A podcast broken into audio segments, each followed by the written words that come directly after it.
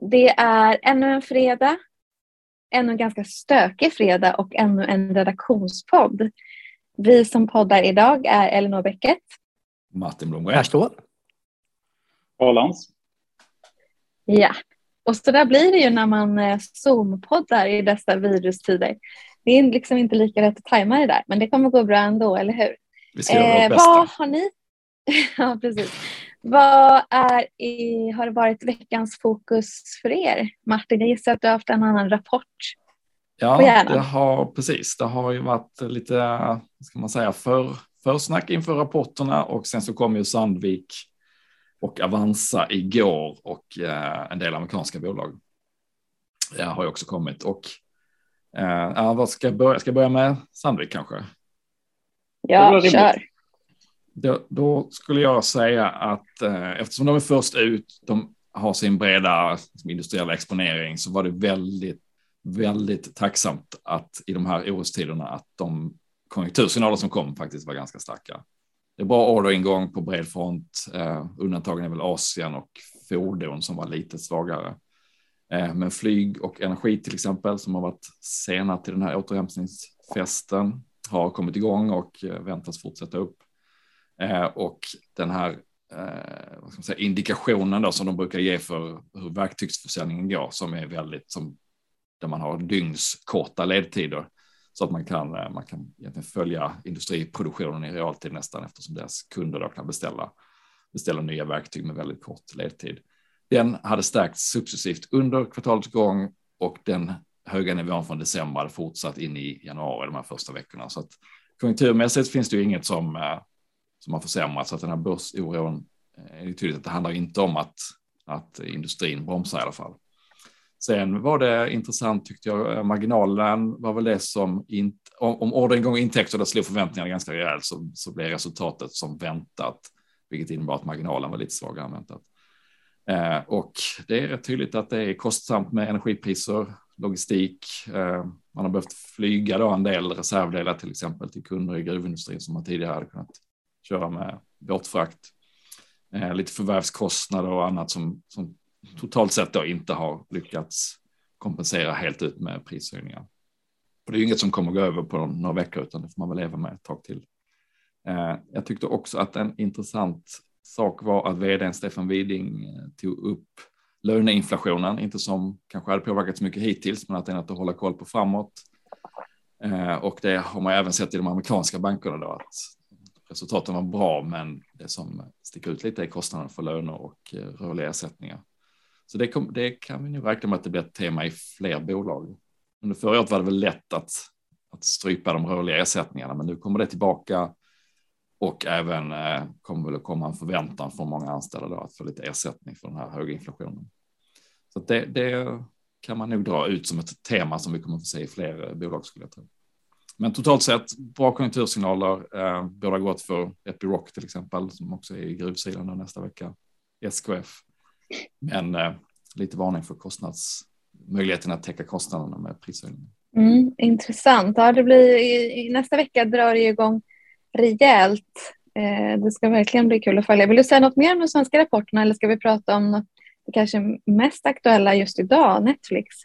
Precis, vi fick ju Netflix i går efter stängning här och eh, den vände ju ner rejält i efterhand. Den tappade ungefär 20 procent. Och då ska man tänka att aktien har tappat ungefär 20 procent från sin topp eh, här under, under sen, sen i höstas. Då.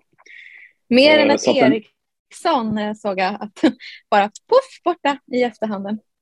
Ja, precis. Det, eh, ja. Och, eh, och det kan man tycka är lite konstigt med tanke på att eh, omsättningen och vinsten per aktie var ju klart högre än väntat. Och eh, antalet prenumeranter det här senaste kvartalet var också högre än väntat, eh, 8,3 miljoner då, nya prenumeranter. Men det som eh, marknaden ser framför sig då är att eh, tillväxten i prenumeranter kommer att eh, eh, kommer inte alls vara lika stark framöver. Ett rejält tapp. Ja, precis. De, de, de tror att de kommer att få ungefär 2,5 miljoner nya prenumeranter under första kvartalet 2022 jämfört med 4 miljoner under samma period förra året. Eh, och det var framförallt det då som fick aktien att rasa. Och sen ser man också då ökad konkurrens framöver från andra streamingtjänster. Eh, det finns ju ett otal, otal där ute. Och det är någonting vi har pratat om ganska mycket på podden. Nu kanske det var ett tag sedan, men är det, blir det liksom win, a winner takes it all, då tycker man ändå att Netflix borde ligga rätt bra till, eller? Det känns ju som att Netflix är den man kanske, så här, om man måste ha någonting, så är väl den, det är den första. Liksom. Mm. De har ju även höjt mm. priserna nyligen som väl inte har slått igenom än. Så att, alltså vinsttillväxten kan ju ha två motorer, man ska säga. Det är både att de får nya prenumeranter och att de kan höja priserna för de som är prenumeranter. Och den här prishöjningsmotorn, den är väl fullt påslagen fortfarande. Men det är klart, det blir väl ett värderingsspel om man, om man har värderat bolaget efter att både tillväxten ska komma från nya prenumeranter och prishöjningar och man då får dra ner den här nya prenumerantmotorn, dra ner takten lite på den. Så är det väl det vi ser hända nu då, att, att uh, värderingen packar ihop lite grann. Mm. Det var, var någonting om sämre ekonomi också i Latinamerika läste jag mig till, men det känns, känns ändå ganska kraftigt. Mm. Ja, om man ser äh, svenska Nent då, via Play äh, ägaren, de tar ju rejält med stryk på Stockholmsbörsen på det här också nu. Mm. Men apropå då Netflix och, och techjättar och så där. Du skrev, har skrivit om det här. Kom upp en artikel nu på morgonen, eller hur? Ja, nej, men jag har skrivit om dels det som var lite intressant var ju Bofa som kom tidigare i veckan där man formligen har vräkt ut techaktier, vilket inte är så konstigt som det har varit den mest överviktade sektorn. Eh, så det finns väl lite, eh, lite naturlig fallhöjd får man väl säga, särskilt när uttagen kommer. Så det är ofta stora innehav också i de flesta ETF och fonder. Eh, men eh, det är klart, techfrossan har slagit hårt mot teknikfonder och det som slog mig lite är att eh, flera har ju negativ avkastning nu på rullande 12 månader också. Så det går. Det får man en liten känsla för hur tufft det har varit i vissa segment inom teknik. Karl och jag har pratat om det tidigare. Små ultrasnabbväxande techbolag som prioriterar vad heter marknadsandelar före vinst har ju varit ett blodbad. Definitivt i år och haft det ganska tufft hela, hela fjolåret också. Eller ja, sen i februari förra året. Ja, sen februari. Men då ska man ju ha i bakhuvudet att det var ju extrema uppgångar under 2020.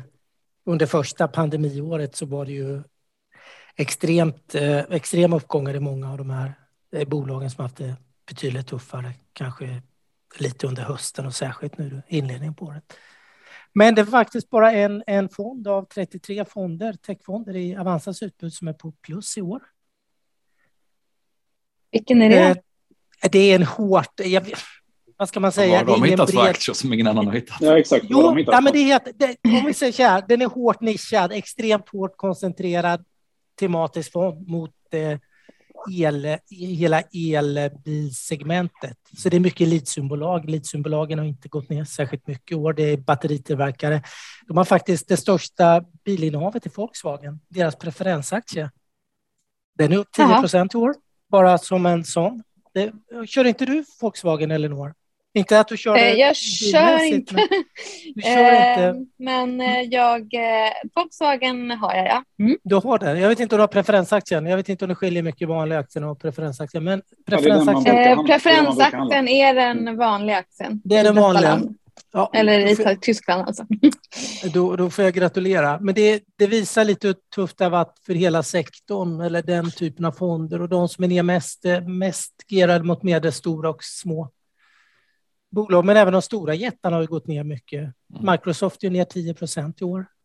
Det som är lite intressant att se det är ju fjolåret. Då var ju de kinesiska internet och teknikbolagen, de var det ju blodbad i.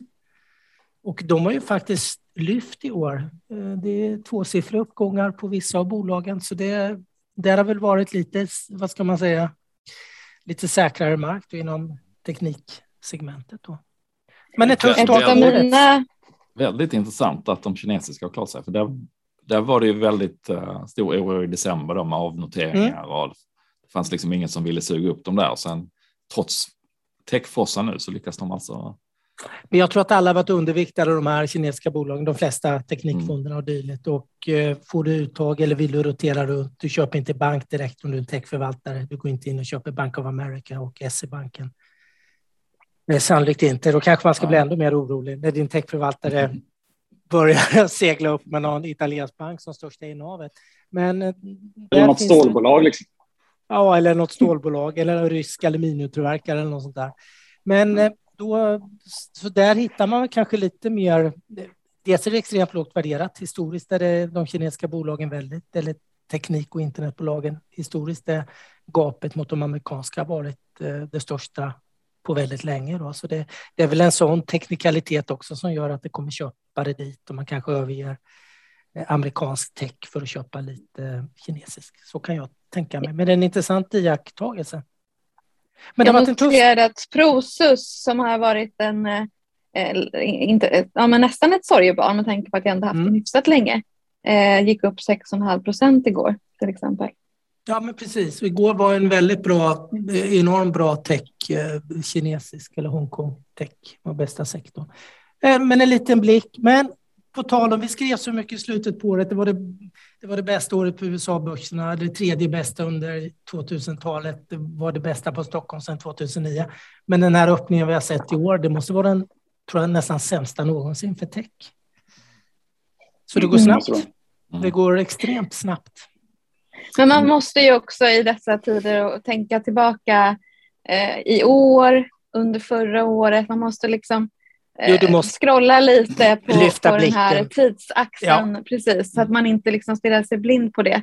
Nej, och, och, du... och det, jag tänker att det är många som blir väldigt påverkade när de här Microsoft och Apple och de där går mm. dåligt för att, eftersom att de är en så oerhört stor del av pensionsfonder och sånt där. Men man, man får lyfta blicken och tänka på att att det har varit en vansinnigt fin resa på vägen hit. Så man inte blir stressad och, och gör något dumt, tänker jag. Nej, men du har helt rätt. Och det, jag zoomade ut lite bara när jag skrev artikeln på tre år och då är ju majoriteten är ju upp långt över 100 procent. Då är techfonder, många ligger i intervallet. Index är upp 130 procent på tre år. Globalt techindex. Så jag zoomade ut lite så visst, det har varit en fantastisk resa och kanske inte så konstigt att det blir lite uppförsbacke på vägen emellanåt. Ja, och det är väl fortsatt. Det kommer ju fortsatt ett tag till i alla fall att vara lite osäkerhet kring hur många höjningar Fed vill göra och hur mycket tapering de kommer göra. Och då kommer säkert de här tillväxtbolagen att wobbla ena dagen så tror man att allt är över och sen så studsar det ner igen. Så att, eh, ja, men Pekka sa väl det.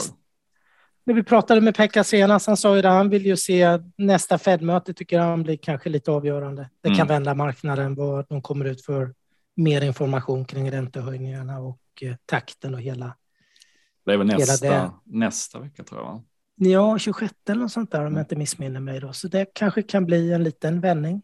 Eller jag, inte, vi får jag se. Jag såg en intressant sammanställning på hur börsen har reagerat på de senaste eh, första räntehöjningarna från Fed. Det är inte så ofta det har hänt, men ett antal tillfällen. Och de senaste tre gångerna så har börsen backat alla gånger under första tre månader som har följt på räntehöjningen. Men tittar man då av 6 och 12 månader framåt från räntehöjningen så har det alltid varit på plus de, de senaste tillfällena.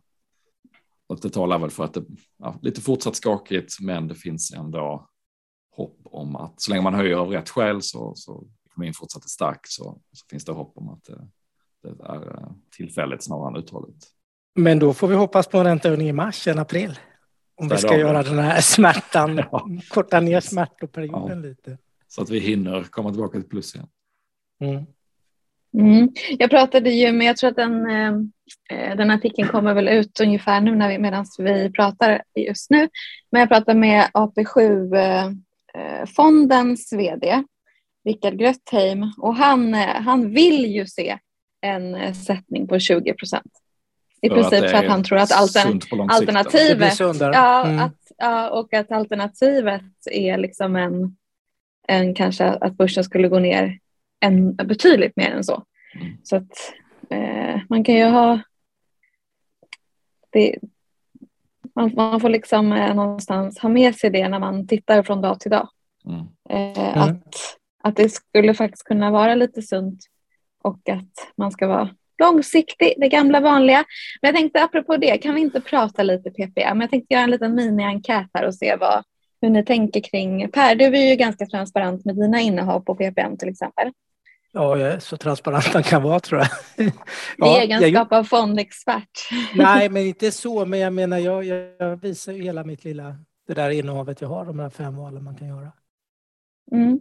Vad, eh, vad, hur ser ditt PPM-innehav ut då? Kan du berätta det nu i podden lite snabbt? Ja, självklart. Eh, jag har ju AP7, 52 procent. Ja. Varför det blir det? För att man inte kan välja 15 av någon anledning. Det blir 52. Det är det närmaste hälften. Och den har jag haft under ett antal år och väldigt nöjd. Så den är själva kärnan i min. I min. Sen latsar jag runt med fyra, eh, det, vad blir det, 12 procent i varje eller något sånt där, om jag inte missminner mig. Mm. Då har jag DNB Teknologi som är en defensiv teknologifond. Den är, hör faktiskt till de som har klarat årets inledning väldigt bra. Den har mycket defensiv och mogen tech, stor tech och moget och mycket inom telekom då, som är lite mer defensivt. Eh, sen har jag Prio Nilsson där jag har deras eh, infrastruktur, eller Realinvest som den heter på deras språk. Just också det. lite lugn och den där har jag haft under en period.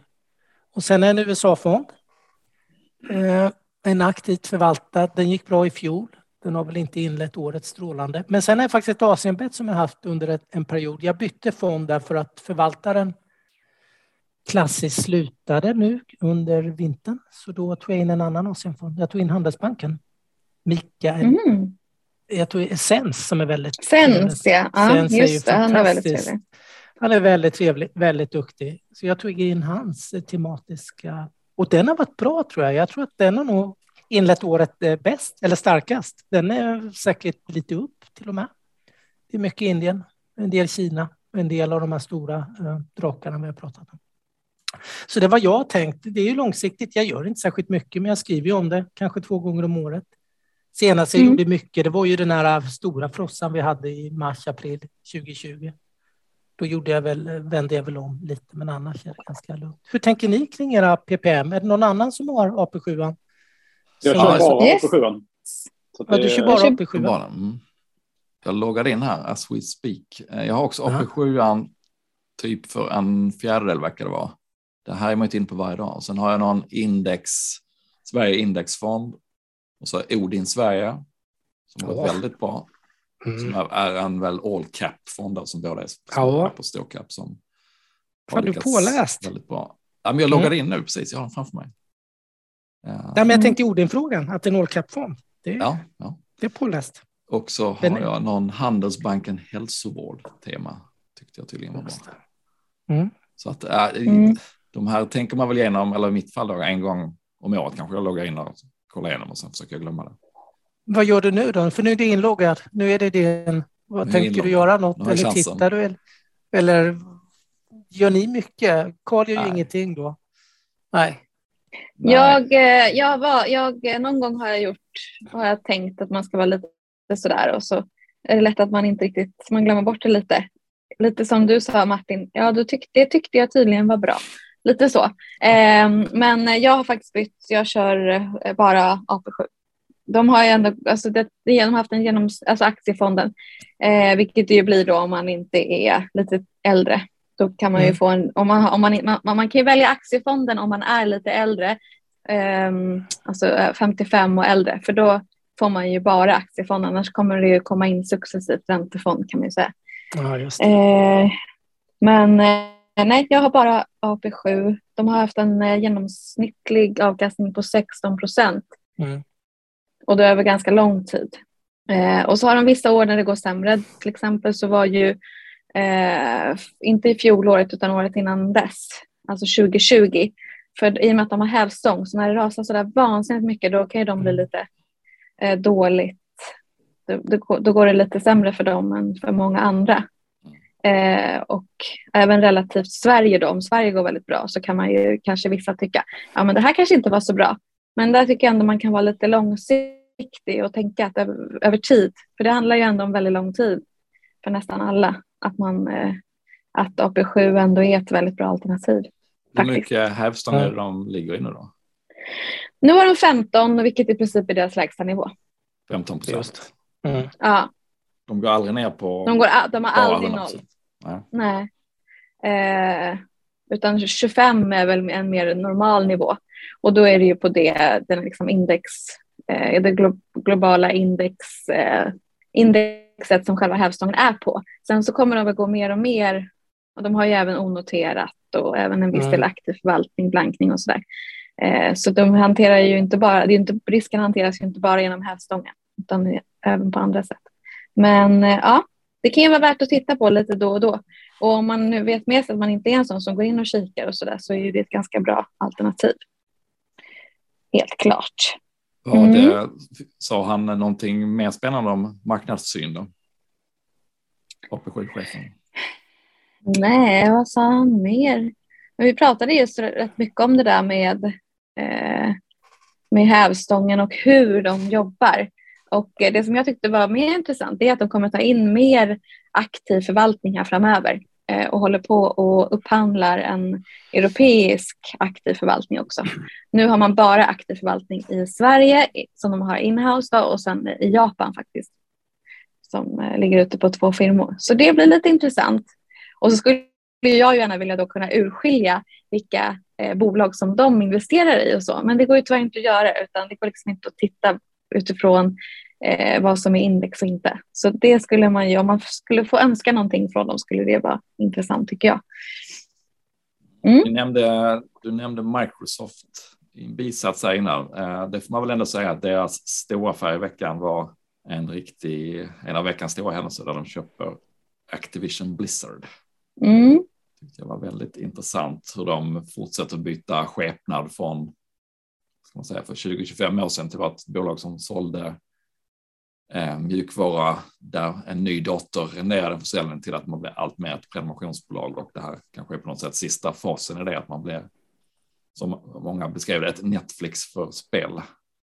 Kanske inte är Netflix det man vill vara just idag då, med tanke på att de, de rasar men eh, väldigt intressant att de eh, alltså bygger på ännu mer med spel. De har ju sin Xbox-konsol och de har eh, köpt ju eh, Mojang för ett antal år sedan, men eh, uppenbarligen så ser de att det är här man ska vara i den digitala ekonomin och i metaverse och att det är viktigt att ha de här IP-rättigheterna då om man ska kunna spela det här spelet.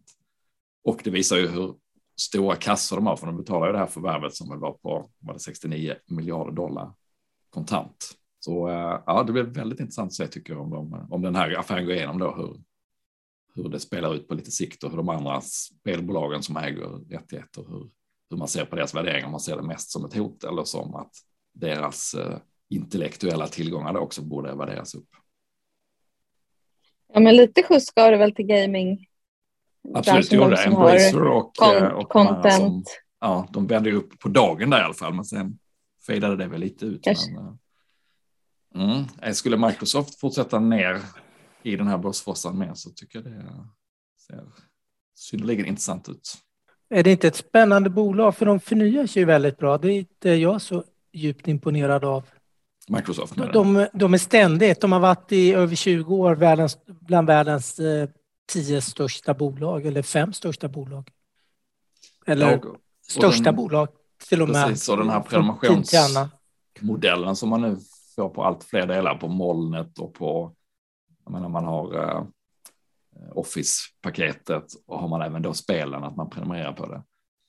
Så kommer man ju att ha ett uh, återkommande intäktsflöde som, som är helt annorlunda mot hur det ser ut i, i förra nedgången om man nu sitter och är rädd för hur, hur tech-aktierna gick i, i, i uh, när it-bubblan sprack så, mm. så är affärsmodellerna väldigt annorlunda den här gången för vissa bolag, till exempel Microsoft. Mm. Spännande. Ja, de är ju jätteintressanta. De, är ju, de har väl inte höjt priserna heller på sin uh, på, på, Windows på tio år och sånt där. Så att de är fortfarande väldigt prishöjarpotential inom vissa marknader i alla fall. Och det är inte, det är inte jättedyrt alls sett utifrån den tillväxten de har.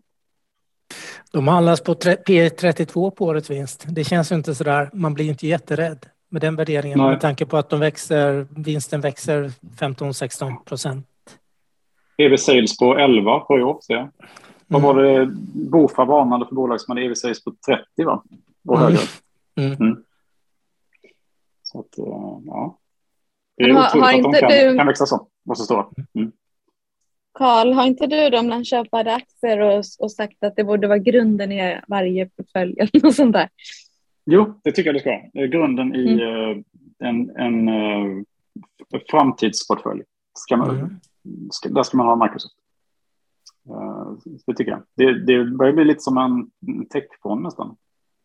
Eller lite som ett, mm. ja, ja, lite som ett investmentbolag nästan. Uh, Att man ska... Nej, Men det väger väl också mm väger väl också några procent kanske. Vad, vad blir det? 2-3 procent i, i en global fond också. Ja, precis. För det, de är så stora. Mm. har man valt AP7 så har man. Då har man, har man valt AP7 då har man Microsoft. Har man valt vilken global fond som helst då har man det. Ja, precis. Precis. Mm. Men affärer då? Eh, fortsatt skakigt, om än inte lika skakigt. Jag lyssnade på förra podden, jag var inte med, du hade semester. Du kallar det för två helvetes veckor, Karl, så tyckte jag så synd om dig. Hur har det känts mm. den här veckan? Ja, det har väl fortsatt vara ganska dåligt, va? Men det är väl ungefär att det svänger bara nu. Det har inte, det har inte fortsatt ner jättemycket till. I alla fall inte Skakigt, men, tror... men eh, li lite mer eh, rakt. Liksom. Men skakigt. Det har börjat nog stabiliseras lite grann, tror jag. Eh, är min känsla. Men eh, vi får se. Det, är ju, eh, det, det, börjar ju komma ut. Alltså, om man ser på handelsmönstret i Nasdaq till exempel och även S&P 500 så är det ju. Det har ju typiskt de här björnmarknadstrenderna nu att det bör, börsen börjar med att stiga kraftigt på dagen och sen framåt slutet så går den ner till minus till och med. Som igår hade du, du hade haft flera dagar nu, men du hade en extrem svängning igår till exempel, med torsdagshandeln. Där vi låg på 2% plus på Nasdaq och sen slutade vi på 1,4% minus. Mm. Det är oerhört eh, mm. typiskt, eh, typiskt björnmarknad att man äh, säljer när det stiger. Så att så länge det mönstret består äh, så är det ju fortsatt väldigt negativt. Tycker jag. Och vi är fortfarande inte nere. Jag kollade lite vad, vad, vad, vad förra dippen var. Det var i oktober någon gång där. Vi är ju fortfarande inte nere på den nivån. Och I Nasdaq är vi nere under det. Okej, okay. ja, förlåt, jag kollade Sverige. Mm. Eh, precis. Eh, Men vad, gör du? Vad gör du i det här? Och sitter du på händerna då eller klarar du av det? Nej, det är klart jag inte gör det. Eh, nej, alltså jag, eh, jag försöker ju eh, köpa sånt jag kan köpa. Ja. Och sälja sånt jag måste sälja. Så att mm. säga. så att jag omfördelar lite så att jag försöker ta in sånt som jag tycker är högre kvalitet hela tiden. Yep. Eller sånt som jag tror kan, kan vända väldigt snabbt. Sen. Och, och vad har det eh, varit den här veckan då? Nu eh, har du verkligen äh, lagt upp spänningen här. Jag köpte Axon Enterprise till exempel, en liten post. Mm. Eh, som är då ledande när det gäller eh, icke-dödliga vapen till eh, poliskårer. Eh, svenska polisen har precis börjat använda dem i år. typ elpistoler och sånt eller? Elpistoler, precis. Taser. Eh, och de är ledande när kroppskameror till eh, poliser också och säkerhetsvakter och sånt där. Eh, och det fina med det är också att de säljer mjukvara då, som också är en SAS-tjänst. Och det är här den stora tillväxten kommer att vara. Eh, och tillväxten är ju fortsatt väldigt stor i USA då, som är ledande. Men det här, som vi ser då, svenska polisen har börjat införa det.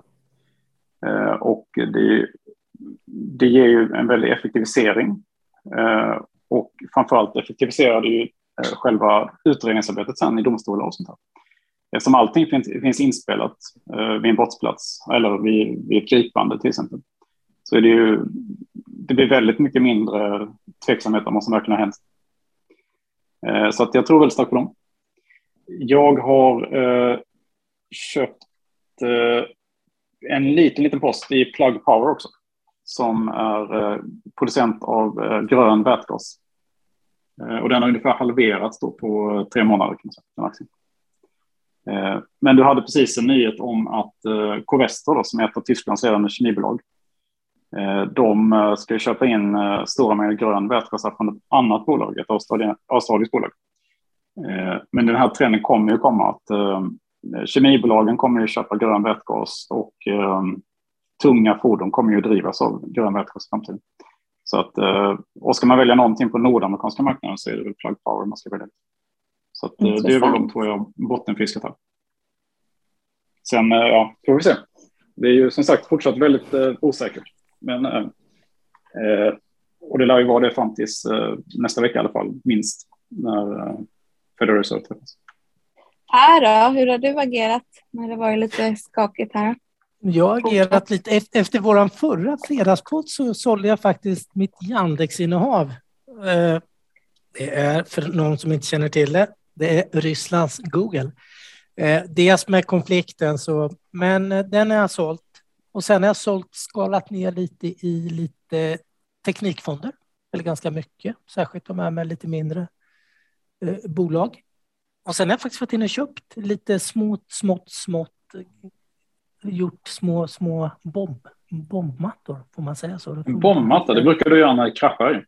Ja, men jag har köpt lite nu. Jag har varit och köpt eh, under vissa små, små poster. Jag har köpt lite i Storskogen, Ferronordic, eh, Hansa, Hansa Holding, de här kontraktstillverkare inom halvledare.